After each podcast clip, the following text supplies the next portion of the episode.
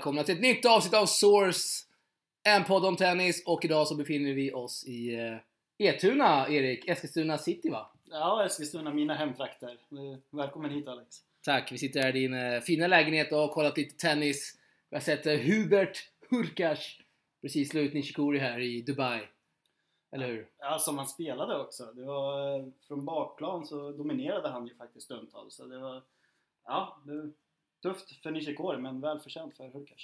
Ja, håller med, håller med. Vi ska prata lite mer om Eskilstuna alldeles strax, men eh, först så måste vi prata lite om dig. Du är eh, skribent här på ja, Tennisportalen. Ja, det är väl eh, ungefär två år nu. Eh, mestadels skrivit om Challenger Tennis, Challenger-kollen. Det, där ni hittar mig. Eh, så det är den vägen jag är här. Och eh, vad sysslar du med annars, Erik? Förutom att skriva och, på TP och på Twitter där du är väldigt aktiv. Eh, ja, precis. Erik Tennis på Twitter. Eh, annars har jag ett eh, mindre glamoröst kontorsjobb, så att säga, på kommunen. Vi kan hålla så. Vi, vi stannar där. Ja, vi stannar, stannar där. Annars kommer folk stänga av. Ja, det är bra. Eh, Eskilstuna, mycket trevligt. Eh, lite kort här, ni har ju Kent Karlsson, tidigare tennislegendaren, eh, som har haft sin career high som sexa i världen, han är från Eskilstuna, och eh, Jacqueline Kabayavad också. Mm. Är de eh, tennisspelarna jag vet om. Ja, det är väl de jag också vet om höll jag på att säga. Nej, men det är väl de som har gjort något form av avtryck. Eh, Kent Karlsson, han, han, han slutade väldigt ung tror jag, ska, med skador när han var 21-22 någonting. Men eh, Kabayavad gör ju- spelar lite, i- lite ITF och så nu, så det den hoppas vi på. Måste vi nämna TK Hobby här, det är ju din klubb. Eh, Mm. Där eh, Kabayavads moderklubb eh, måste vi nämna Ja, ändå när vi är i Eskilstuna? Precis. Eh, Amazon är väl min moderklubb också. Nej men det är, det är bra hall. Jag var där senast igår och spelade lite så det, det är bra grejer. Förutom det så har vi Kent, vi har Andreas Alm, vi har Athletic FC, AFC, som har smusslat sig in här i staden. Vet inte hur, men eh, ni verkar inte gilla AFC i alla fall i Allsvenskan. Ja, det är väl, det råder lite delade meningar. Det finns de som säger att eh, gött med allsvensk fotboll. Men jag personligen, jag känner ingen koppling till klubben liksom. Så det blir, eh, jag ser ingen anledning att följa dem faktiskt, ärligt talat. Nej, nej. Uh, tråkigt att höra Erik. Men uh, vi har ju sagt det här att det där avsnittet uh, ska vara minst en och en halv timme. Under det är oacceptabelt. Eh, Patrik Ragen, han vill ju ha de här korta intensiva avsnitten så han sliter väl sig i håret i detta nu när han höra det här att vi ska köra en eh, ja, nästan två timmar i alla fall. Vi får se hur mycket vi, hur länge vi surrar men eh, det kan bli bra snack idag Erik. Vad tror Det du? tror jag nog. Jag tror Patrik får, han får lyssna i två omgångar så blir han nöjd kanske. Vi har, eller hur? Vi har ett eh, otroligt späckat körschema. Vi ska summera förra veckans tävlingar både på VTA och ATP-touren. Sen ska vi gå igenom svenskarnas insatser och så ska vi precis prata om det som händer idag, eller den här kommande veckan. Det är ju en hel del tävlingar som spelas. Det är ju matcher dygnet runt nu, Ja, i princip. Ja precis, i eh, Dubai och Acapulco. Det är ju börjar någon gång på förmiddagen och så slutar det imorgon. Så det är, om man inte vill sova så har man alltid något att göra. Vi börjar i Rio de Janeiro där Laszlo Djer vinner mot Felix Auger Aliasim. Han, eh, Serben vinner sin första ATP-titel i karriären. Var inte många som trodde det, eller hur? Nej, På förhand. nej, knappast jag heller höll jag på att säga. Alltså det, det en... Ingen trodde det, skulle jag säga. Det var verkligen ingen som trodde att han skulle vinna Jag trodde inte. Jair trodde det heller, Nej, jag inte det heller. När, när han såg att han hade team i första rundan. Så tog han sig förvisso förbi den och sen var det... Sen försvann ju nästan alla sidade spelare så då var det en props till honom att han, att han drog nytta av det verkligen måste jag säga. Ehm, helt helt okej basinspelare, väldigt bra backhand framförallt skulle jag säga. Ehm, så ehm, ja, det blev ju lite av en Challenger-turneringen kanske till slut på 500 nivå så att säga. Men eh, ja, Han hade ett mycket rörande tal där efter hans eh, finalseger. Han pratade om sina föräldrar. Båda gått bort i cancer. Jag kommer klippa in eh, vad han sa nu. I want to dedicate this trophy uh, to my parents. Um, I'm lost, I, I lost my mom seven years ago, so I want to dedicate this one to her. Also to my dad. Um, I lost him two months ago, so my parents have been the uh, had the, the biggest impact on me, and uh, because of them, I'm who I'm today. So I really want to thank this uh, to them, and I hope uh, they are watching me now. Uh, Ja, där fick vi höra Laszlo. Det var känslosamt där, Erik. Ja, i, i synnerhet som att eh, hans eh, pappa gick bort i december. Liksom. Det, måste vara eh, extra hårt. Eh, 23 år gammal, båda föräldrarna redan borta i cancer. Man, man undrar verkligen honom all framgång. Verkligen, verkligen. Visst gör man det. Och vi såg också Kasper Rud gå långt i tävlingen. Vann däremot Jao Sousa. Var det en kvartsfinal han vann eh, mot Sousa i, va? Nej, han, han eh, torskade just mot Jär i kvarten. Och eh, Kasper Rud fick vi se gå till kvarten där. Eh, torskade mot eh, Jer som vi pratade om. Eh, Det är bra vecka norrmannen. Ja, det måste man säga. Han, han fick, var tvungen att kvala sig in. Slog bland annat eh, hemmaspelare Bellucci i, i kvalet där. Och sen eh, slog han också ut Joao Sousa i, i andra rundan i huvudturneringen. Det, det är en riktigt fin skatt för Rud, måste man säga. Och norrmannen som är eh, onekligen bäst på grus. Spelar i princip bara grustävlingar året om. Ja, det är precis. Det, det är ju där han får resultat. Och det, det är väl helt rätt nu när han försöker bygga sin ranking att eh, när han ligger så pass nära topp 100 att han, att han fortsätter på grus, måste jag säga. Och eh, lite svensk intresse då i Rio eh, så hade vi Elias Ymer där som förlorade mot Londero. Londero som alldeles nyligen vann eh, sin första ATP-titel i Cordoba. Argentinaren. Började väldigt bra för Elias, vann 6-2. Men eh, sen vaknade argentinaren till liv och vann 7-5, 6-2 i andra och tredje set där. Eh, Hur mycket såg du av den matchen, Erik? Eh, jag såg hela första och delar av andra, sen somnade jag tyvärr. Men, Oj! Men eh, jag, Stanna där. Var, var det matchen eller var det du som var trött? det var framförallt Eller båda. jag som var trött. Kanske lite båda. Alltså Londero han, han började ju uruselt måste jag säga. Så, Det var nästan lite tankvarning måste vi ändå säga. När ja, det, det, Vi kommer, vi kommer snacka mycket om tank i det avsnittet, men där var det lite tankvarning första set på argentinaren. Ja, alltså det räckte att Jimmy satte bollen i banan två gånger så hade de vunnit poängen. Ja. Ehm, så, Det är inte bra. Nej, verkligen inte. Men ehm, ja, han kvalade sig ändå in i Rio. Då måste han ändå få godkänt för då. Och sen förvisso möter han en annan kvalspelare som han ska ha hyfsad chans mot. Men eh, ja, Londero är, är, är i form nu som sagt så det är inte så mycket att säga om det. Ja, det är han. Det är han. Eh, vi lämnar Rio helt enkelt kanske. Ja, Känns som vi har avhandlat det mesta. yes. Om inte du vill gå in på obskyra dubbelresultat. Ja, Nej. Det, det är mer din arena. Då kommer Jakob stänga av. Jakob Johannesson från Madrid numera måste vi ge en shoutout till våran eh, kollega här på Source. Hoppas att du har det bra där Jakob. Vi går vidare och så har vi Delray Beach och eh, Radu Albot vinner och det är ju också ett svenskt intresse eftersom han eh, coachas av Magnus Tideman sedan årsskiftet. Vinner karriärens första ATP-titel och det har ju börjat fantastiskt bra för, för duon måste man ändå säga. Finalseger där mot Dan Evans, lite av din favoritspelare Erik, vet jag. Evans, eller Albert? E- Evans? du, Inte? Nej, det vet jag inte Ah. om jag skulle säga. Men Tyckte jag har läst en hel del tweets förra veckan, eller?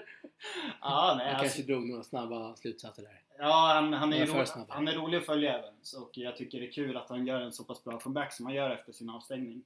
Eh, men inte någon favorit skulle jag säga. Då är mer min favorit eh, McDonald som Albert slog i semifinalen, måste jag säga. En väldigt obskyrt resultat där dock. Han har ju du följt i massa år, vet jag. Ja, precis. Ända sedan eh, han tog steget upp från college-touren där, McDonald. Han spelar ungefär som Kei Nishikori, tar bollen tidigt, eh, aggressivt och eh, rör sig väldigt bra. Mycket bra spelare. Men eh, honom ska vi inte prata om, vi ska prata om Albot. Ja, sagt. vilken turnering han gör! Ja, vilken turnering. Han eh, slår Karlovic, Kyrgios, Johnson och sen då McDonald Evans. Det är, Det är tre raka storservare. Ja, tre raka storservare och eh, Johnson var, ja det var tiebreak där det sista dessutom. Så Just det. Ja, verkliligen kul för honom och, och eh, kul med Tideman också som du sa. Eh, Det var ju en eh, riktigt sjuk andra omgång där mot eh, Kyrgios va? Eh, Eh, Albot Kyrgios. Det var lite allt möjligt. Det var lite tank. Mycket tank ska vi säga från Kyrgios som inte brydde sig i första set. ja, det, det, dels det och dels han, han hade ju en beef med publiken som så ofta. det hade han. Klipper vi in det nu. Bam! Someone in the crowd just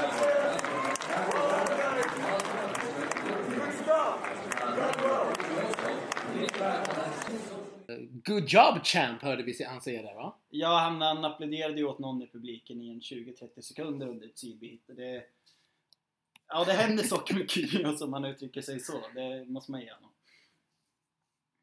Jag tycker det är lite kul att det händer. Samtidigt som jag inte gillar att han, eh, att han tankar. För det är respektlöst mot både Albot och eh, publiken som har eh, köpt biljetter.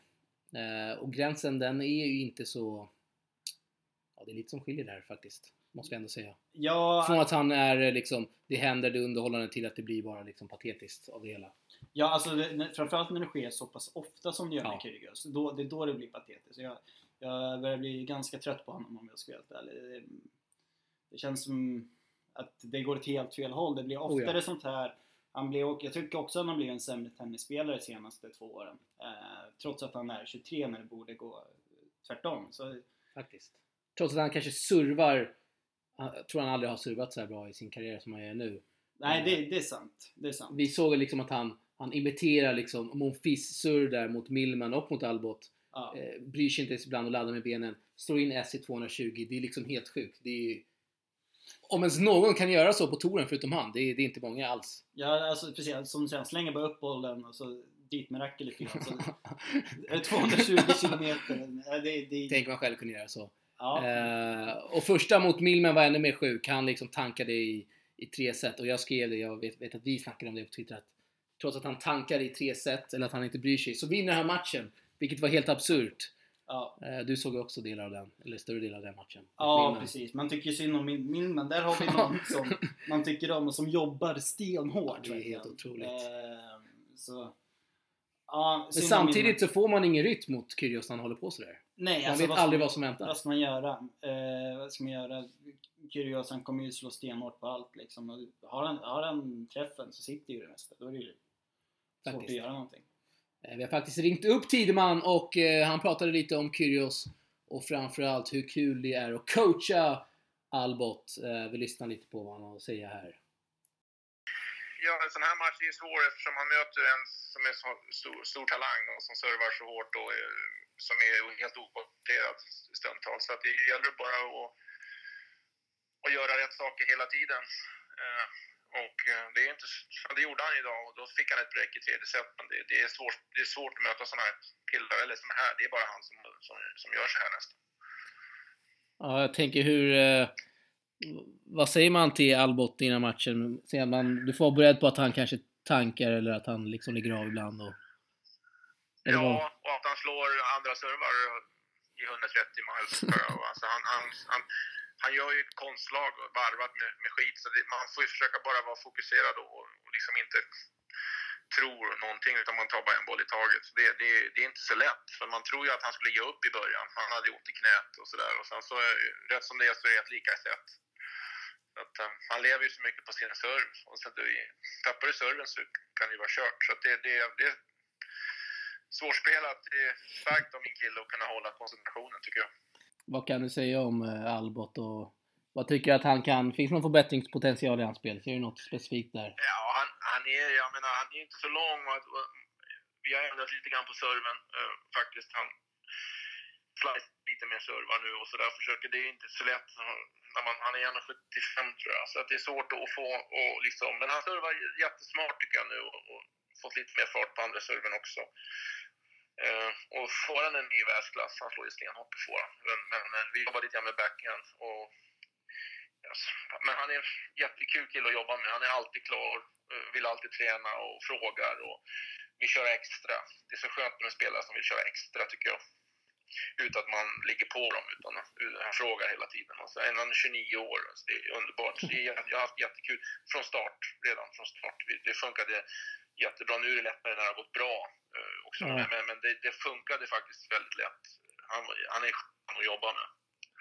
När var Eh, första kontakten? När togs den mellan er? I december, i december. Okej, okej. mitten på december så åkte jag till Tyskland om några dagar och så lärde vi känna varandra och sen så bestämde vi för att köra. Eh, Så började vi i Australien som första tävling.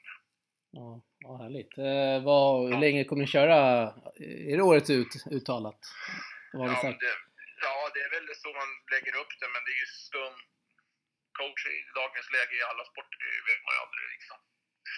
Det är, Ja. Vi ska köra året ut, men det är många som slutar tidigare, och både från spelarens håll och från coachens håll. Men, men det känns jättekul nu när det går bra, så det känns ju att vi kommer fortsätta året ut. Ja. Skoj, skoj. Eh, det verkar gå lite delade diskussioner där gällande just Kyrgios, om du vill uttala dig kring det. Många med att han är... Att han... Att tennisen behöver honom och så är det den andra delen som menar att nej men det är bara trams liksom. Vad ser du på det hela? Nej, Jag, jag, jag, jag tycker det är kul. Han är ju en, han är liksom kul att se. Han är, han är rolig och det behövs som jag säger. Men eh, han skulle kunna... Han är ju topp 10 material, absolut. Topp 5. Men, det vet ju alla om. Han, Ja. han behöver bara liksom... Ja, tycka det liksom... mm, Ja, förstår det också. Jag vet inte. Men idag var jag ju glad att han inte han... Han slängde bort första set till exempel och det är tufft mot, mot alla idag. om Man, man liksom los, han slänger bort ett set. Eh, det har man inte råd med, för att alla är ju rätt så bra. Men han är fantastisk spelare. Men eh, fantastisk serve, måste man säga. Den är ju bland de bästa i världen. Då kan man ju, har man den serven kan man lalla lite grann i andra servegame och chansa. Och, eh, men det gäller att kunna bryta hans serve någon gång och då är det, det är inte lätt. Eh, men han är, han är ju kul att titta på. När han är, inte när, eh, liksom, han är ju aldrig otrevlig mot, mot motståndaren och sånt där. Men han kan ju balla ur och lite dåligt språk ibland. Så här. Men han, han är alltid rätt trevlig sådär i omklädningsrum och så. Ja, där fick vi höra Tidemans eh, tankar och eh, kommentarer. Eh, han gillar, eh, verkar gilla Kyrgios och säger att det är en trevlig kille. Ja, Alltså, det händer mycket och att det är positivt men eh, som, vi, som vi säger du och som vi snackat om, det är, det är en väldigt hårfin gräns där. ja, jo men det tvivlar jag tvivlar inte det minsta på att Kyrgios är en eh, trevlig och skön kille utanför banan. Absolut inte. Sen var det kul också att han pratade gott om Albots eh, arbetsmoral måste jag säga. Yes. Fi- fina grejer. Man eh, unnar ju Albot en sån här eh, seger och han eh, ja, har aldrig varit så här bra rankad i sin karriär som han är just nu, Albot. Eh, vi gratulerar och slänger in en fanfar här Mm. i Source.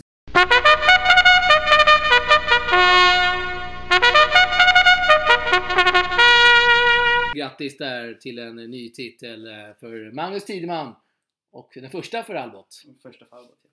Kul, kul. Vad har vi mer för intressanta spaningar från eh, Delray Beach? Inte så mycket kanske. Nej, det Inte så mycket. inte jättemycket. Eh, Dubbeln så har vi bröderna Brian, de vann, men vi ska inte prata så mycket dubbel i det här avsnittet har vi ju kommit överens om. eh. Däremot kan man ju lägga till det. ehm, var det Mike eller Bob som kom tillbaka från skada? Med höften. Vågar inte ta gift på det, men jag, Okej. Jag Eh, blandar alltid ihop dem. Ja, eh, en av Brian-bröderna har ju nyss kommit tillbaka. Jag tror det. Med, med samma... Efter samma procedur som nu Murray har gått igenom. Och det verkar ju gå bra. De var väl framme i kvart eller semi i eh, australiska och sen vinner den här titeln. Så det visar ju att det går att komma tillbaka från, från en sån höftoperation som Murray nu ska göra. Så det borde ju gott för honom måste man säga. Jag tror det var eh, Bob Bryan. Ja, det var det Bob. här. Ja, det- Men det är, det är faktiskt lätt att blanda ihop dem. Jajamän. måste man ändå säga. Uh, nej, otroligt att han kommer tillbaka och vinner här uh, Mm. tävling på hemmaplan. Vi såg också Lindstedt spela med Team Puets, om jag uttalar det rätt. Säger man så? Pyts kanske? Jag, kanske. Jag vet faktiskt inte. Tyst uttal. Eh, jag gillar Pyts om vi, om vi håller oss till... Uh, tycker han är en mycket underskatt, underskattad dubbelspelare, tysken. Eh, men förlorade mot Arvai och Sertani. Det kanske man inte ska göra. Nej, det är väl inte Men eh, Lind, Lindstedt spelar ju nu i Acapulco också. Ja, med TFO. De Ja. vann i natt. De slog Murray Suarez. Det är helt otroligt. Det är en otrolig seger. Det är en fantastisk seger. 7-6-6-2 tror jag va? Och vi går vidare till Marseille där eh, Tsitsipas vann sin andra ATP-titel i karriären efter seger mot Kukushkin. Mannen med absolut noll spin i sina slag. Alltså backhanden, det är inte mycket spin där Erik. Nej, det är inte jättemycket spin och det är väl inte världens roligaste spelare heller att kolla på. Nej, det är det faktiskt inte. Eh, Kul för Kazakstan att de har någon kanske, jag vet inte. Eh, Men eh, ja, alltså Marseille, det var väl inte världens roligaste turnering. Ärligt Nej. talat. Tyckte i och för sig att det var kul att Goffin äntligen vann ett par matcher och tog sig till semifinal. Honom... Jag vill ha en frisk Goffin på touren, men an- annars finns det inte jättemycket att säga om Marseille. Vi har glömt kanske det viktigaste om Marseille, vet du vad det är? Nej. Bana 1. Såg du det? Nej, vågar jag inte svara på. Du såg inte? Marseilles bana 1? Nej. Det var ju... De spelar i någon uh, obskyr gympasal och så får man se... Få, eh, ser man ju faktiskt på streamen att det är lite ribbstolar, det är basketbollar, Ja, ja. det är allt möjligt. Ah, ja, ah, ja. Eh, måste man gilla ändå kanske? Eller inte? Det är charmigt. Det är ju nästan challenge-nivå på det. det. Ja, det är... Ja, det är... Vad ska man säga? Eh, man skulle vilja besöka den banan bara Mm. för att. Någon gång i sitt liv. Och eh, vi går vidare till Dubai där vi ska snacka om VTA-tävlingen som gick där Belinda Bencic vann efter eh, fantastisk vecka. Slår Kvitova i finalen.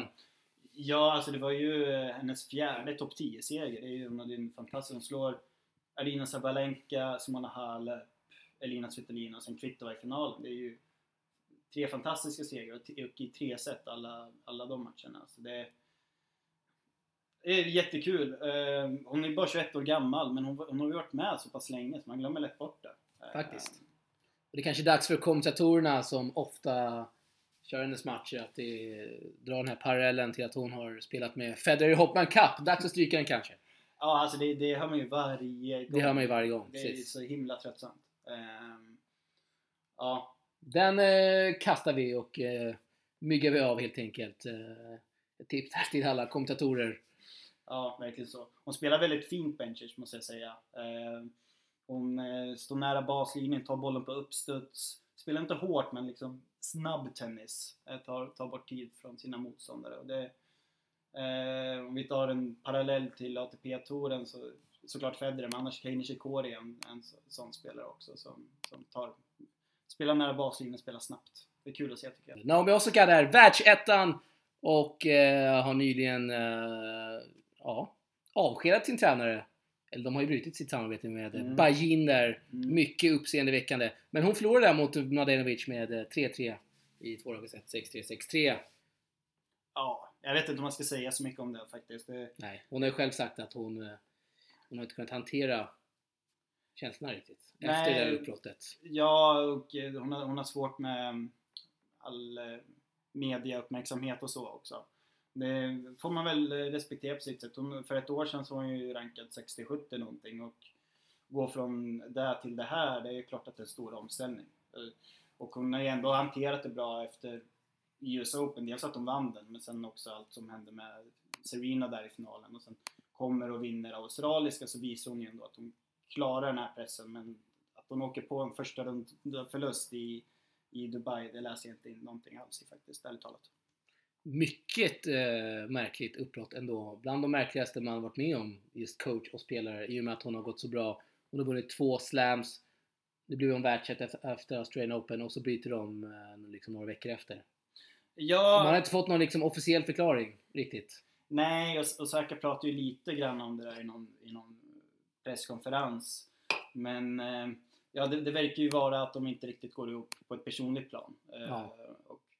Och, det får man väl respek- respektera på sitt sätt. Men eh, det är klart att det är uppseendeväckande när, när det har gått så fantastiskt bra för dem. Men eh, Osaka sa ju också det under australiska att, att de pratar inte riktigt med varandra längre utan att eh, i sitt tacktal i finalen så sa hon Tack Sasha för, att, för, for being my hitting partner. Ja, det är mycket, mycket märkligt uttalande. Ja. Om det är så att, eller om det är så. Hon var ju hans, eh, han var ju hennes eh, huvudcoach liksom. Ja, precis. Så då... eh, Och få den på sig, hitting partner. Aj, aj, aj! Han kan inte vara glad han hörde Ja, det. men, men å andra sidan, det kanske var så det var under australiska. Det, det, Men att få den käftsmällen, det är, ja. Ja. Jo. Det ehm, kanske tog något dygn där innan det var packat och klart för de två efter det. Efter den kommentaren. Ja, eh, och när, när Naomi ehm, skrev på Twitter då att hon, att hon slutade med Sasha så liksom det var ju bara två korta, ganska kalla meningar. Ja. K- Kollar man på Kasatkina som bröt med sin coach nu bara någon vecka sedan. Hon har ett 1-5 i matcher det här året så det är inte så konstigt. Men då var det långt Instagram-inlägg med, Just det, just med många fina kommentarer. Det. Vill, vill man inte ha spekulationer kring uppbrott så kanske så man ska gå tillväga tänker jag. Eh, För Osaka har ju varit lite eh, besviken på alla kommentarer och spekulationer som har varit kring uppbrottet. Men lite har hon ju orsakat det själv. Eller så anlitar man en PR-expert, så får man det gjort. Ja, det är kanske ännu bättre. Vi ska gå vidare till Budapest VTA tävling som spelades förra veckan. Och eh, vi börjar med Johanna Larsson som eh, förlorade mot Koslova med 1-1. Där har ett ja. Ehm, ja, Jag såg inte, jag såg jag inte såg heller inte någonting från den, Eh, måste jag säga. Eh, det finns inga höjdpunkter heller att se i efterhand. Eh, men siffrorna talar väl sitt tydliga språk. Det är väl svårt att säga något annat om det. ja alltså jag har svårt att förstå Budapest-turneringen faktiskt. Du, du hade ju din personliga vendetta mot New Yorks 250. Det, det hade jag.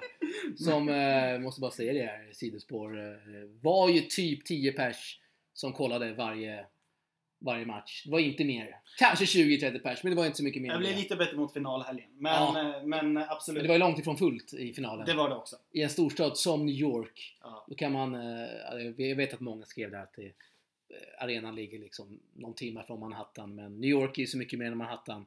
Och en liksom... Ett land där tennisen är så stor, nej. Det måste, de måste få dit folket. ja, det är underkänt. Det är underkänt. Men, Men- men förlåt, Budapest. Ja, Vad jo, jo, eh, alltså Budapest är väl nästan ännu konstigare turnering. Alltså Dubai som går samma vecka, där är en 900 turnering. Jag har svårt med terminologin vet jag, men det är 900 poäng till vinnaren. Varför har man då samtidigt en till turnering? Jag kollade på det här i Budapest. Första sidan är eh, van Uitvank som också vann. Ja. Eh, och är rankad 50 liksom. Det, vad, Ja. kan det lika gärna vara en 125 eller vad som helst? Varför, varför har man en turnering samtidigt som en 900 turnering i Dubai? Det tycker jag är jätte... Den kändes också väldigt trött, Budapest. Det sa du kanske, men det var inte heller jättemycket folk där som kollade. Och... Nej, jag, jag, jag såg någon match och det var, nej, det var, Ja. det var inte kul alltså. Eh, och Johanna drog sig ur dubben faktiskt. Så det kanske var eh, något som spökade där i singeln. Ja. Och så hade vi Cornelia Lister också. Mm. Som, eh, som spelade med eh, Reka Lukajani från eh, Ungern, hemmaspelaren där. De torskade tyvärr i, i Super Tiebreak 10-5 mot Kania Sisikova. Såg den matchen. Eh, Cornelia servade, servade väldigt bra. Var, var be, den betydligt starkare spelaren just i sin egna servegame. Eh, var en bra serve där. Cornelia listade väldigt lång också. Verkligen. Eh, kul att se att hon, är, hon spelar ju den här veckan. Hon, har, hon vann ju i Acapulco som vi Mm. kommer tillbaka till. Vann eh, första rundan där. Eh, kul att Cornelia är på touren och eh, spelar dubbel. Och grindar. Inga mer spaningar från eh, Budapest i övrigt, eh, Erik. Nej, nej, jag vill gärna glömma Budapest. Vi glömmer Budapest. Ja, tack. Och eh, då har vi gått igenom ATP'n och VTA-tävlingar från förra veckan. Men vi har mycket, mycket kvar faktiskt. För vi har ju Challengern. Och vi har en svensk segrare. André Göransson vann i Moreos Mm. i dubben. Mm. Moreos där eh, nästan var 2000 2000 meter över havet. Jag kollade många singelmatcher där. Inte roligt spel. Det var så att var också knappt att bollen att, ja, att spelarna höll bollen i liv. Det var, det var mycket svårspelat där. Och, eh, och när väl var spel så var det inte så att spelarna drog igenom utan det var väldigt så här grindmässigt. Bara för att få över bollen över nät. Eh, jag var inte kul att kolla på. Inte, Du såg inte så mycket. Nej, jag såg, jag såg i alla fall ingenting från Morelos. Det var... Det var bra. Ja. Bra att du slapp det. Men kul för eh, Göransson Verkligen. som eh, närmar sig 150 på dubbelrankingen. Mm. Spelar, ja, gör en dubbelsatsning nu ändå. I och med att Ja. han går in i många challengers. Ja, nu, det är kul att se. som, som 150 borde han gå in i det mesta tycker man. Så, jättekul verkligen. Det en rolig spelare. Och så har vi eh, Jannik, Sin- eh, Sinner, 17 Mm. år i, eh, från Italien, vinner Bergamo där. Otroligt. Vi är helt säkra på att den här 17 ser ut att vara 12. Jag tror du säga äldre. Nej, han ser ut att vara 12 faktiskt. Han är ju väldigt, väldigt tanig. Ja, det är Det är extremt. inte eh, jättemycket muskler på den kroppen. Nej, och hans, hans frisyr, frisyr ser ut som något jag hade som femåring ungefär. Tur, tur att han kör keps, ska vi säga. ja, för så sticker det ut. det, st- det sticker ut. Det gör det. Född 2001. Eh, den första spelaren född 2001 att eh, vinna en Challenger-turnering. Mm. 2001, man känner sig bara äldre och äldre här Erik. Ja, han 2001 eh, och Gerald Yassim 2000. Det, Det går fort. det går fort. Det går fort. Eh, kul med Jannik Sinner. Vi kommer följa han här framöver. Väldigt, väldigt stort spel i den killen. Eh, kul att se att de yngre tar för sig. Det gillar vi. Och sist, som, eh, sist men definitivt inte minst, så har vi James Duckworth som vinner i, i, eh, vinner i Bangkok. Och han Mm. gör det mot eh, en halvsvensk, eh, Erik. Ja, jag läste också det. Eh, Spanjoren. Spanjoren, Davidovic Fokina. Eh, svensk pappa. Jag försökte gräva lite och ta reda på vem den här pappan var, om det är någon med tenniskoppling, men jag hittade ingenting. Har du hittat något? Jag tror jag såg någon bild på någon äldre här eh, som bor i Ryssland tydligen. Okej. Eh, och jag, jag skrev faktiskt till hans, eh, på hans Insta, eh, spanjoren. Ja. Då, då sa han bara det att det, min farsa är svensk. Och så Okej. inget, inget mer. Mhm. Så då har vi det bekräftat. Mm. Eh, kanske någonting för, för, för förbundet att gräva i här om han... eh, Om... Eh, eller inte. Ja, men han är ju han är ju 18, runt 200 streck. Jag tänker att han är ett framtidsnamn för Spanien. Han är, han och Nikola Kuhn. ja.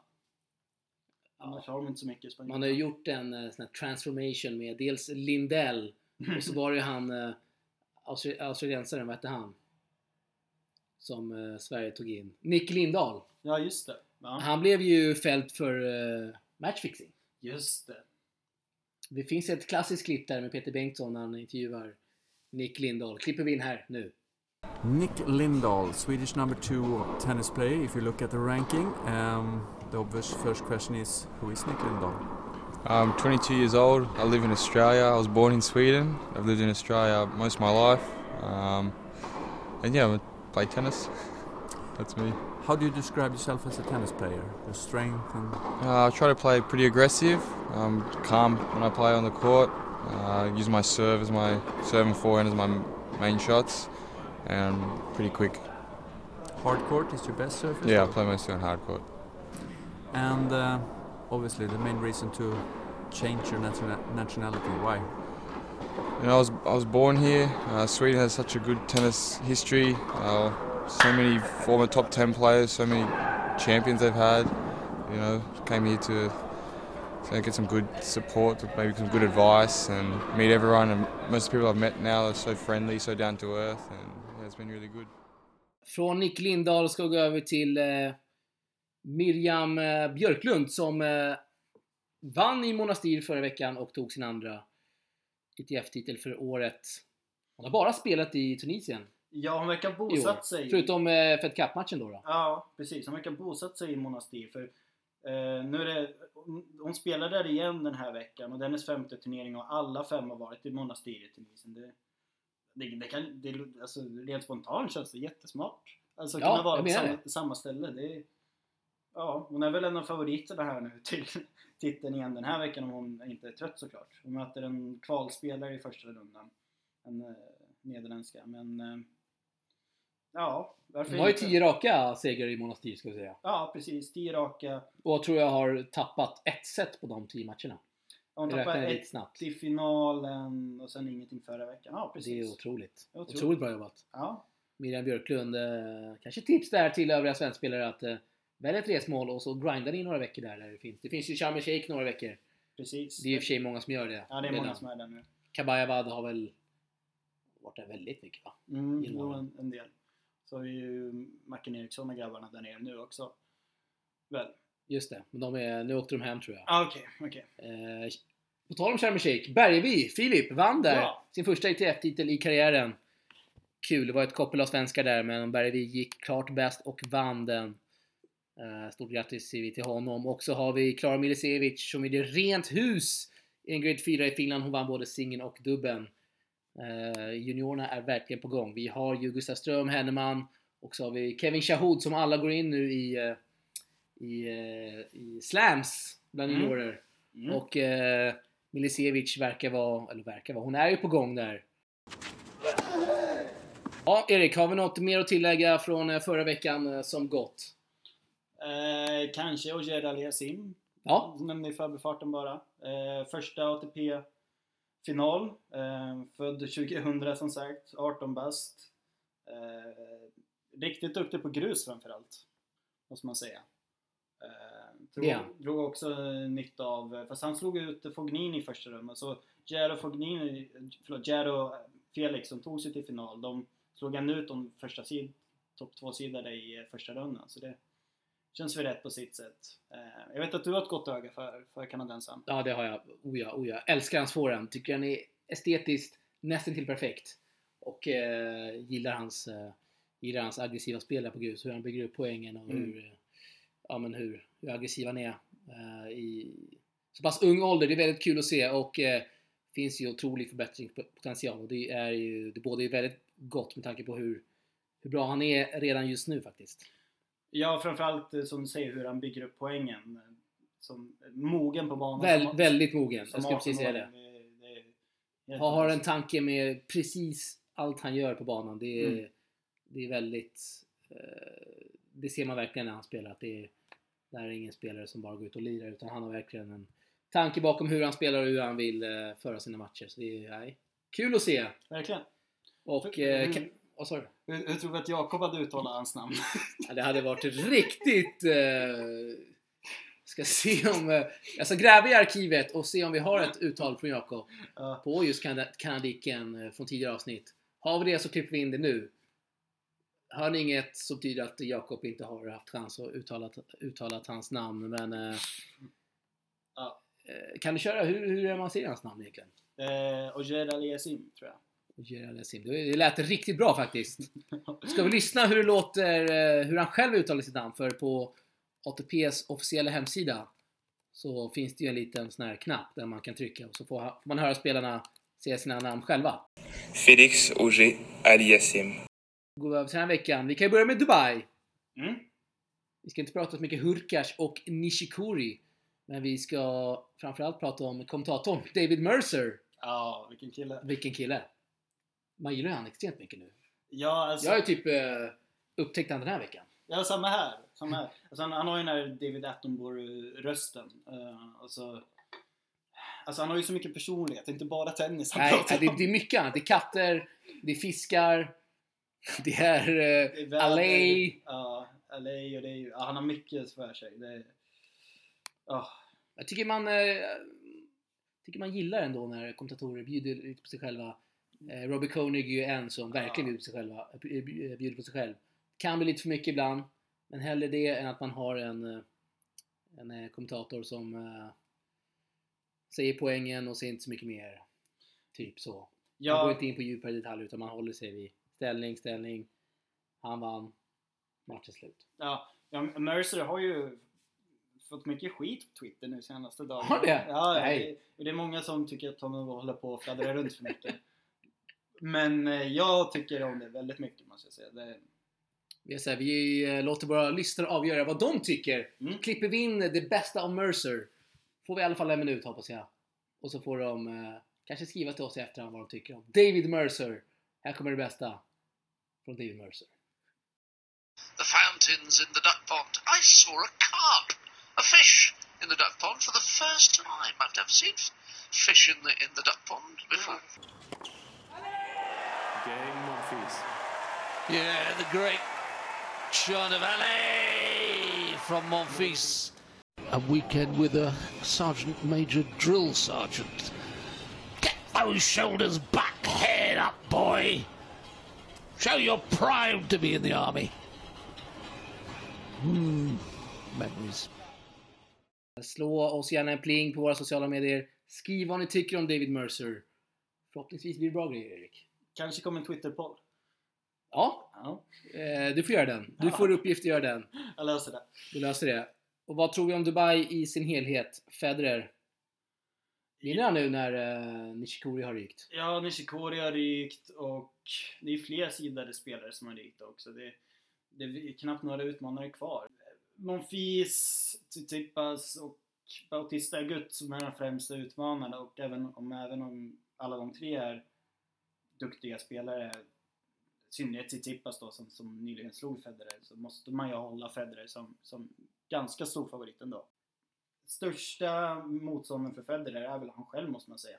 Han, han svajade lite grann där mot Kohlschreiber, i synnerhet i andra set och såg irriterad ut och hittade inte träffen alls. Ehm, så eh, han kanske inte är i... Ramade väldigt mycket. Han ramade väldigt mycket, framförallt på backhanden, som alltid höll jag på Det var att säga. typ ram var, varannan backhand. Ja, precis. Ehm, ja, men kanske då att, att Monfils är största utmanaren. Eh, han beglade ju Cilic eh, igår. Gjorde han? Ja. det är- 6-0 i tredje. Förlorade fem poäng i det här sättet. det var Det uppvisning. Vi har ju sagt det. Lite dubbel det här avsnittet. Jag tror vi får ändra Väldigt lite. Vi har, jag tror vi får ändra det. Men det här måste vi nämna. För Aha. vi hade igår eh, Continent Peers mot det här namnet. Eh, Nedunchesian. Säger man så? Nedunchesian. Ja, jag ja, jag inte. Nedunchesian. Ja. Eh, Jag tror det. Och Pura Bracha. eh, De mötte ju varandra igår i eh, första omgången där i dubbeln. Eh, Det sjuka med det här, det är att in, eh, indierna, de förlorar alltså 20 poäng mindre i hela matchen. Vinner ändå. Efter 10-8 i super tiebreak. De, Så Continent Peers vinner alltså 63 poäng i matchen. Eh, indierna vinner 43. ja. Men vilka är det som vinner matchen? ja, det är ju fantastiskt. Det är helt sjukt. Det är- Jag tror rekordet, det var någon som skrev det på Twitter. Aha. Jag tror rekordet i singeln är att det skiljer typ 25 poäng. Mhm. Så det här kanske, det här kanske är någon rekord i dubbeln också. Ja. Det är otroligt ändå vad liksom räknesystemet i tennis kan innebära. Ja, det är, det är, eh, Det är ju det är ganska vackert. sjukt det här. ja, det är väldigt Men ändå vackert. Charmigt. charmigt kanske. måste man säga. De förlorar alltså 6-0 första set. Är helt utspelade. Eh, vinner alltså 20 poäng mindre och vinner matchen. Det är... Ja, det kanske man ska visa till våra kommande juniorer att så här kan det ske. Ja, sluta aldrig känna. Det är det som är som säger, bra med tennis. Det, det finns ju ingen... I fotboll kan tiden gå ut, men i tennis måste man alltid vinna sista poängen. Precis. Det kanske var den inställningen de gick in i här. Ja, precis. Vinner vi sista poängen då, då vinner vi. ja, Antagligen. Antagligen. Ja, vinner man sista poängen vinner man matchen. Så är det. Så är det. Det kan aldrig ändras. Nej.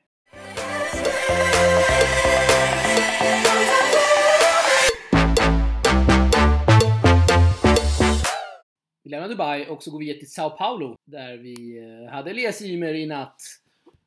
Eh, Sao Paulo då spelas inomhus på snabbgrus. Det är eh, 900 meter över havet. Det går väldigt fort, bollen flyger. Och eh, han fick ett, eh, ja han fick svettas i natt Elias Ymer. Han förlorade mot Thiago Sibot Wild. Eller Wildy som eh, speakern sa. Thiago Seibot Wildy!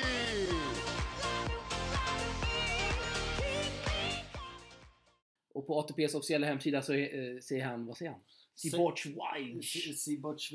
Ja, det låter som att han är polack. alltså. Thiago Zajbec Vilj. Jag eh, skrev lite på Twitter igår varför speakern säger Wildy. Det var det för att brasilianerna tydligen, de vill inte att namn ska sluta på en konsonant. Så måste de lägga till ett ljud. Jaha. Mycket märkligt. Ja, det låter... Jag jag fick någon, jag fick någon extrem eh, analys där. Jaha. Som jag inte förstod egentligen. Men tydligen var det så. Men så har vi då Wilds, eller vad han säger, säger själv på ATPs officiella hemsida. Ja, men gäller det förnamn också? Jag tänker på Tom... Blir det Tomassi Bellucci då, eller vad? Säger de det i Brasilien? jag vet inte, men eh, det slutar ju också på, på en konsonant, Thomas. Ja, det gör det. Ja. Yeah, there's a warning coming here for Yima, no doubt about it. Demolished that racket in frustration and gets the bird from the crowd as well. Ja, nog om uttalen Erik. Matchen Yes. då. Elias förlorar i tre set. Flisar sitt racket, vad jag tror är första gången i hans professionella karriär. Jag har aldrig sett det tidigare. Elias Ymer alltså. Jag kan inte minnas att jag heller har sett det. Eh, det har ändå följt honom i många år nu. Ehm, det, det, är- I och med ett undantagsfall så ska vi väl inte kommentera det vidare. Ehm, jag, jag tänker så här, en gång är ingen gång. ja, Vi måste ändå få... Den regeln kan vi ta in här. Ja, någon gång då och då till och med. Alltså, absolut. Faktiskt. faktiskt. Um, sen är det ju trist att han, att han förlorade. Lokala wildcards är aldrig kul. Publiken mot sig. Men eh, det här är ändå en kille som är rankad runt 450 i världen. Och vill han etablera sig på huvudtouren Elias så ska han vinna de här matcherna. Ja, stort spel ändå brassen får vi se. 18 år gammal, har en fantastisk serve och eh, han slog ju stenhårt på allt. Ja, Ibland träffade bollen skynket. Men ibland satte de. Satte de och då, då gick det snabbt för Elias. Det gick väldigt snabbt. ja han, han eh, som när han är lite osäker på sig själv, lite för långt bakom baslinjen, siktar mest på att hålla bollen i spel. Och då, då kan man förlora mot eh, sådana här spelare som, som spelar inspirerat. Och som hade ett enormt hemmastöd ska vi se i den där inomhushallen. Det var ju inte fullsatt men i och med att det var en... inomhus. inomhus, ja, någon obskyr variant där. Bra akustik. Någon rund... eh, Tusan hur den här arenan är utformad. Men Nej. bra akustik, för de hörs väldigt mycket. Mm. Eh, och du såg ju brassarna i dubbel här. Mycket dubbelsnack här. Ja, Men du såg ju. Bellucci Dota Silva Ja, det var, det var, det var stort. Ruskigt bra tryck. Ja, de låg under med 9-6 i match tiebreak men vann 12-10. Det var... Ja, det var bra stämning. Brassarna gillar sin tennis. Ja, nej, tråkigt för Elias. Han hade på pappret eh, en match han kanske skulle vinna. Men vi vet ju Mm. att det är inte så lätt ändå. Nej. Nej. Det Det är inte bara att ställa ut skorna, spela och vinna och sen dra hem. Nej. Eh, och, och tyvärr med Elias, han har ju en ganska låg lägstanivå måste man ändå säga. Och Ja. den, här, den här tiden på året brukar han sällan göra bra ifrån sig. Det brukar komma med sommar och höst. Eh, men det är väl ju kanske därför han ska sikta på att plocka lite poäng. Han kvalar till Indian Wells nu här snart och sen spela någon Challenger till USA. Men vi får hoppas att han hittar formen. Det var ingen jättelyckad session i Sydamerika. Nej, och eh, vi kan ta Kasper Rud också. Vinner där mot Monteiro. Och eh, närmar sig topp 100 nu va? Kasper Rud, tror jag. Ja, han ligger, han ligger väl eh, någonstans mellan 100 och 110. ehm, Kasper. Och chansen att gå in i alla slams här snart framöver, eh, Kasper Rud. Stort för norsk tennis. Verkligen. Vi lämnar Sao Paulo och så sn- snackar vi lite om Indian Wells där. Det pågår en 125 för damerna och en Challenger för herrarna. Och så har vi en eh, favoritspelare vet jag. Cressy va? Ja, Maxime Cressy. Vem är han? eh, han är en college-spelare eh, med ganska, ganska lång, eh, stort självförtroende, högljudd på banan. Eh, Han låter för mycket ska vi säga. Ja, han, han, har, han har tyglat det lite mer nu. senaste. Han har gjort det? Han har börjat När han vann den, var det för två veckor sedan han vann? i Ja, tre, tror jag. Tre veckor sedan. Ja. Då var det ju över gränsen. Ja, till och med Tim Smyshek eh, reagerade på det och det är nog Torens lugnaste spelare. Så det Ja. säger sin grej. Eh, men eh, Vi är så här, det är mycket klippa och klistra idag. Vi klipper in hur han lät den veckan. Kommer här.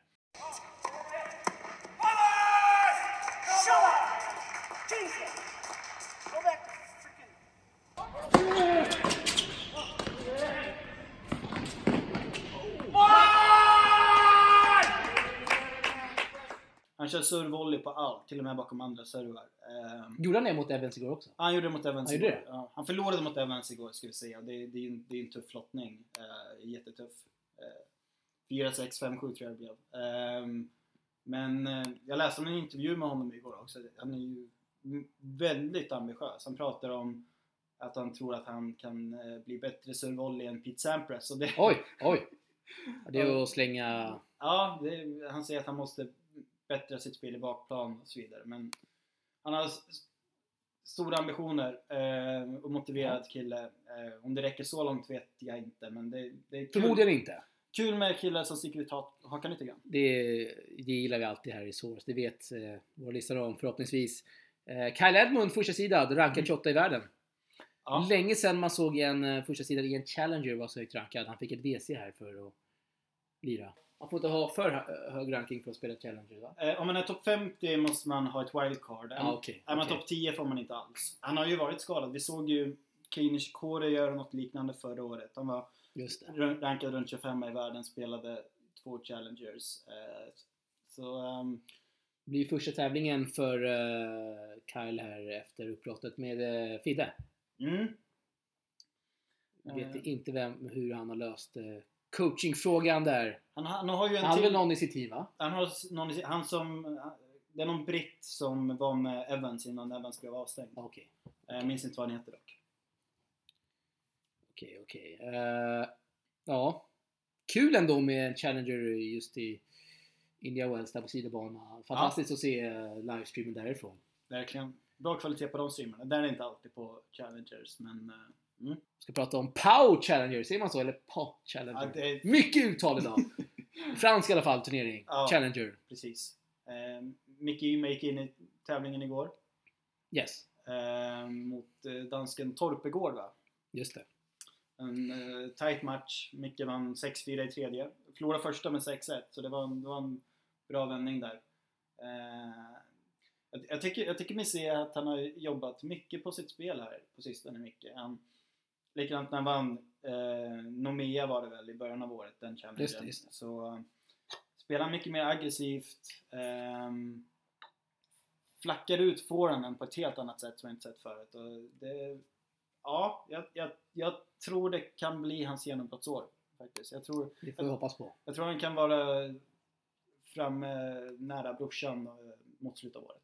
Oj, oj! Du kastar ut den alltså? Ja, jag, jag Du tror kastar ut den här? snudd på topp 100. Eh, jag måste väl säga emot det där. Eh, Mhm. jag, jag tror inte det detta år. Jag tror det är för tidigt. Jag vill gärna se lite mer eh, kontinuerliga resultat efter varandra. Det har han inte visat hittills. På just Challengers. Även fast det gick väldigt bra i Nomea. Men aggressiviteten i spelet, det måste han förbättra. Och det är kul att han jobbar på det, uppenbarligen. Ja, eh, verkligen. Det är väldigt svårt att liksom vara den här defensiva spelaren och liksom klättra på rankingen när man är på Challenge. Det finns så många spelare som spelar just så.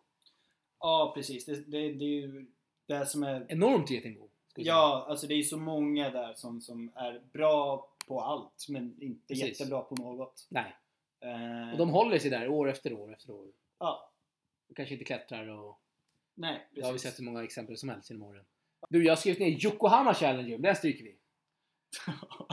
jag vet, alltså det, det är ju alltid någon asiatisk challenger och eh, det enda jag brukar följa är hur det går för Ducky Lee. På riktigt? Ja, på riktigt. Vadå då? Du gillar han? Ja, Jag gillar honom. Han, han är ju han är ju både döv och stum. Det är han. Det är helt otroligt egentligen. Ja.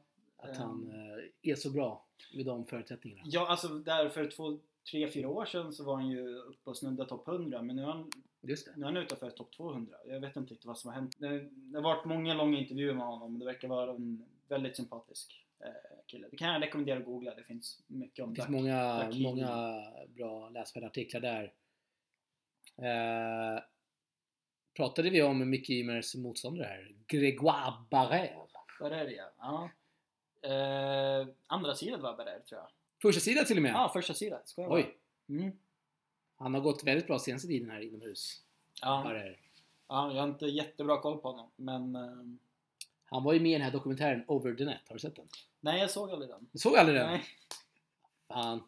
Nej, men då fick man se en eh, dokumentär där de följer spelare på Challenger-touren för eh, några år sedan är den inspelad va? Mm. Och så pratar de om lite svårigheter om, eh, om alla problem som uppstår egentligen för tennisspelare på den nivån. Väldigt eh, sevärd faktiskt om man eh, gillar ja, tennis i sin helhet. Finns någonstans, ja det finns, inte Youtube, men någon betalningstjänst tror jag. Inte så mycket, kanske någon hundring. Ett tag fanns det väl på Tennisportalen? Gjorde det inte? Ja, vi hade ju, det minns du? Ja, det minns Vi jag. hade ju något samarbete där. Ja, Eh, jag, jag kan ju säga att vi fick inte ut någonting av det. Alltså, vi, vi drog inte in några pengar. Men det var för att han kontaktade mig. Kan ni speeda lite där? Och så absolut, jag speedar gärna. Eh, fick jag se lite. Fick jag se en förhandstitt. Tyckte det var skitbra. Skitbra gjort. Då försöker man hjälpa sina medmänniskor här Erik. Ja, Kul att du snappade upp det. ja. para o sueco Elias Ymer.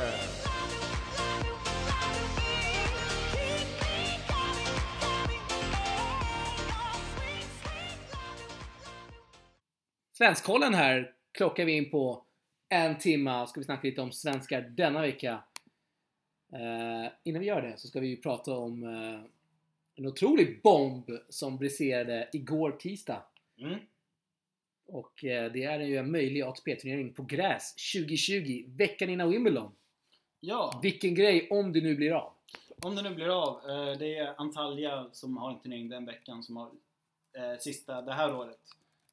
Sen lägger de ner den så då uppstod en lucka och då högg de på det. Wilander var väl inblandad bland annat tror jag. Han skulle väl vara någon form av turneringsarrangör va? Ja, precis. Ehm, och ehm, de gick ut med det här, hade presskonferens. Ja, eh, stopp där.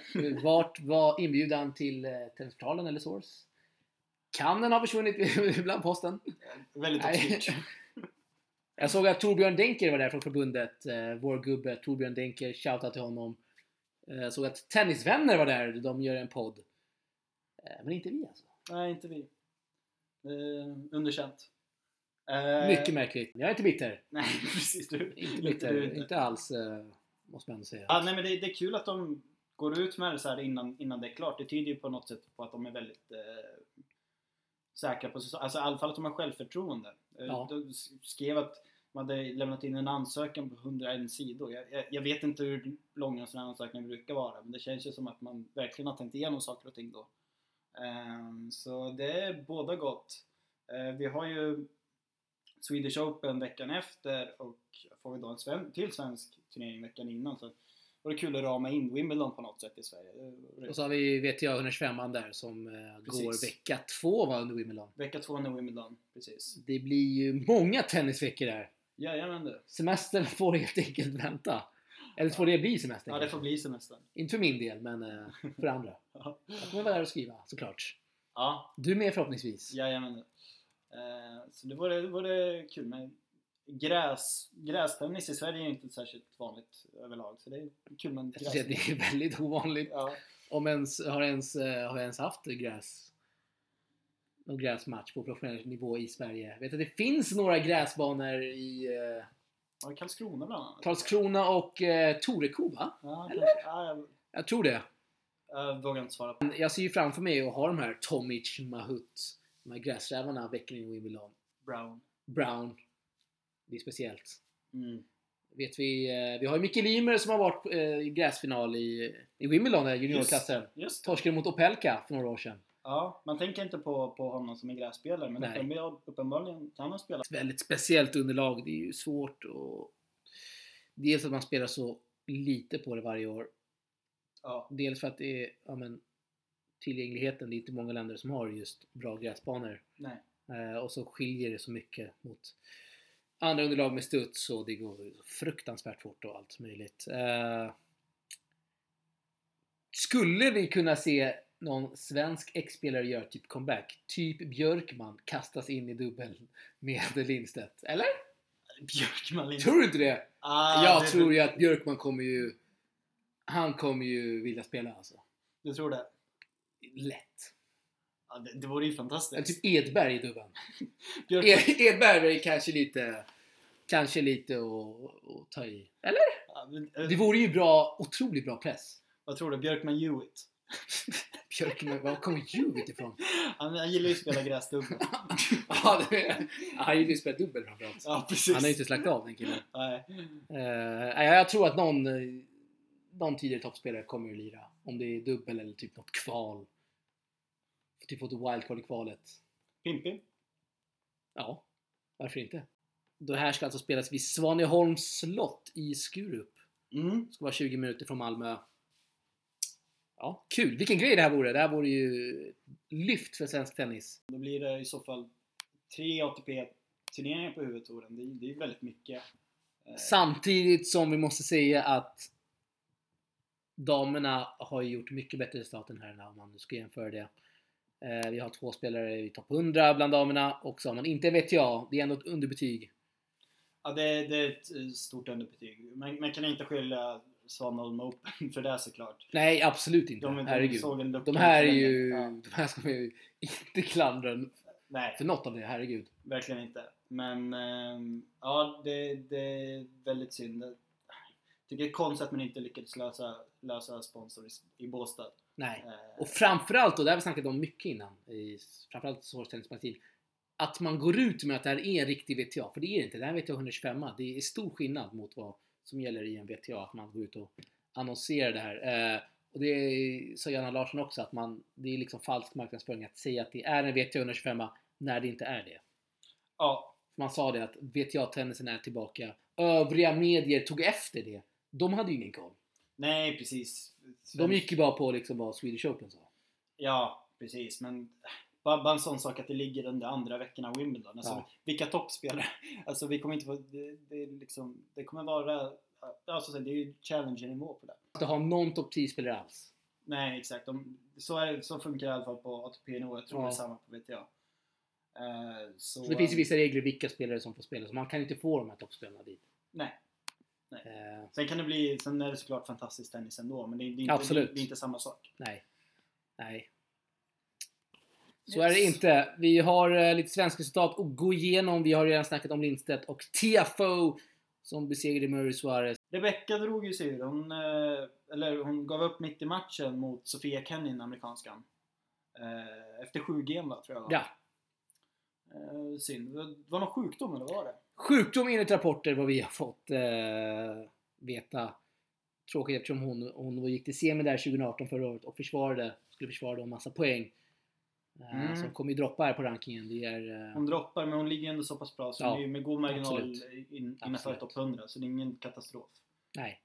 Sen har vi inte så många svenskar. Vi har Linnea Malmqvist som är i, eh, i Sharm el Sheikh. Hon vann där. Mm, jag 6-1, såg det. 6-0. Björklund spelar i detta nu i Monastir. Mot eh. Vicher. Vicher. Ja. och så har vi Marina Judanov som spelar alldeles strax i Sharm också. Hon är där i Egypten och lirar. Mm. Heja Marina. Och eh, ja, inte så mycket mer. Som vi kan se här på resultinan Erik. Det beror ju framförallt på de här stora förändringarna med ITF. Jag vet inte hur mycket du har kastat dig in i den eh, soppan. Ja, det är, det är som du säger, det är en stor soppa. Mer. det, Vart ska man börja? Ja, var ska man börja? Det, Det är ett helt nytt ranksystem. Helt nytt Eh. rankingsystem. Det är färre tävlingar och så har man dragit ner kvallottningarna jättemycket. Så det är så här, ha- har man en, inte en jättebra ranking eller försöker man ta sig in utan att vara en topprankad juniorspelare, då har man ingen chans. Nej. Jag, jag, tänk, jag tänkte på en sån sak. Tänk på eh, Marina Judanov. Eh, om hon hade börjat sin satsning nu, då hade hon ju inte kunnat komma in i några tä- tävlingar. Det har varit princip, i, i princip omöjligt. Ja, hon hade fått förlita sig på wildcard så det Ja. hade hon väl Ja. kanske fått till vissa svenska turneringar, men de är inte så många. Och det, det, det, det är jättesynd. Eh, och jag vet att hon har det tufft nu att få ta sig in i turneringar trots att hon ändå tog sig upp till topp 600 i slutet av förra året. Och nu är det nya rankingsystem så det gör det ännu svårare för henne att ta sig in i, i tävlingen. Det, det är jättetrist. Sen finns det ju de här spelarna, jag tänker på en eh, som eh, Liam Brody, Mm. eh, britten, han ligger runt 300.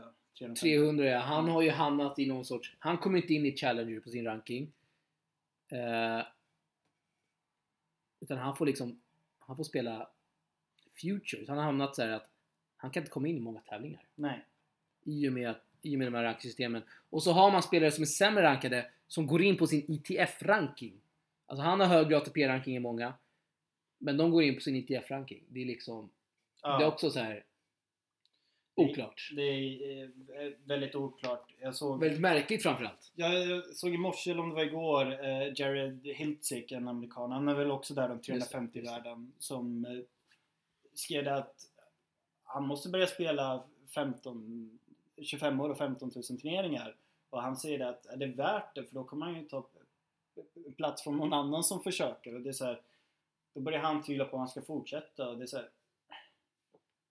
Ja. det, det, det är jättetrist. Det här, det här är spelare, han, han, spelar, han spelar sin bästa tennis i karriären och så här, han kanske kan klättra ännu mer men om han inte kommer in i turneringen och måste ner och spela Futures då förstår jag att det är svårt, att motivationen tryter liksom.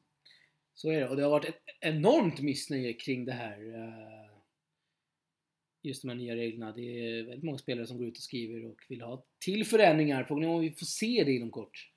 Ja, Vad tror du? Det, det ska nog till, alltså Magnus Norman har varit ute och skrivit på sin blogg där att han... eh, De har intervjuat 50 000 spelare inför det här då. Mm. Eller 50, de har intervjuat 50 000 olika personer. Han har inte varit en av dem. Det låter ju som en siffra som ITF har bara liksom kastat ut här. Att det ja. Ja, det, det 50 000 ska man på det här systemet. Det, det finns ju inte. Nej, det, det, det är klart Det, är det ju, är så. det har de ju hittat på. Alltså I- ITF, de vill väl behålla sin stol- stolthet. Ja. Eh, väl, men, så de kommer nog inte ta bort alltihopa. Men grejen är, gör man vissa små förändringar så kan det göra stor skillnad. Öka kvallottningarna, försök få in några fler turneringar. Alltså, det gör mycket. Ja. Det gör Oh ja. mycket. Oh ja. Bara, bara, bara en sån enkel sak som att, eh, för nu är, nu är det 24 kval in i Futures. I- Förra året var det upp till 128 på vissa. Det är ju sinnessjukt. Så öka, dubblera de kvalen, alltså någonting. Då kommer spelare komma in i, få chansen att komma in i turneringen. För nu är det till och med så här förkval med, med 20 spelare där de tävlar om ett wildcard. Det, är- Det kan vara ännu mer spelare sett. ja, det är Det är helt galet. otroligt. Det, är- ja, det är helt otroligt. Så um, det tror jag vore en plats att börja öka kvallottningarna.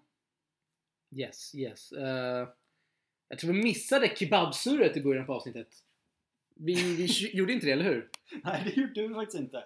Vi har eh, en timme och 12 minuter där på klockan. Vi skulle... Eh, Jakob menar då på att Jönköpings kebab, den är landets godaste. Han, har till och med sagt bäst i världen, Ja. men det, det tycker jag att vi, vi behöver inte ta upp, för det är bara nonsens. Ja. Kebab i Jönköping kan inte vara godare än där liksom den kommer från, Turkiet. Tänker Nej, jag. nej. Nej, vi stannar där. Men, eh, Eskilstunas kebab, mycket intressant. Bra grejer. Ja, vi, vi är stolta över vår kebab i Eskilstuna. Ni kör inte samma vita sås som i, det gör de inte i Jönköping heller, som i Stockholm. Nej. I Stockholm kör man liksom vitlök, så kör man röd sås. Här kör ni någon eh, annan variant. Den är god! Nej, Den var god. Det, det, ja, det är bra grejer. Bra, bra Vad hette eh, stället? Ska vi ge dem en shoutout? Italia. Pizzeria Italia i Eskilstuna. Pizzeria Italia i eh, Eskilstuna. Har ni vägarna förbi, kanske ni går dit och köper en kebabtallrik. Mm. Eller Erik? Jajamän. Sista du ska få göra här, du ska få avsluta avsnittet med en låt. Eftersom du fick körschemat eh, för några timmar sedan så kanske du redan har tänkt på en låt, vad vet jag? Ja, jag har vägt mellan två. Men jag tänkte så här, eftersom att vi är i Eskilstuna måste, Oj, ju, måste oj. ju bli Kent. Och eftersom att det är så pass himla fint väder idag, lite, lite vårkänslor, så kör vi låten Skisser för sommaren. Vad heter den? Skisser för sommaren. Skisser för sommaren med Kent kommer här och eh, Erik vi tackar dig för att du var med här i eh, Source Yes. Source on Tour kanske vi besöker dig här i Eskilstuna. Det har varit mycket trevligt. Yes. Mycket härligt samtal. Eh, skriv till oss gärna på våra sociala medier. Vi heter Source, en podd om tennis. Vi finns överallt. Lite tips, samtalsämnen, gäster, vad som helst. Skriv till oss, vi svarar. Erik, tack för att du var med. Man kan nå dig på Twitter.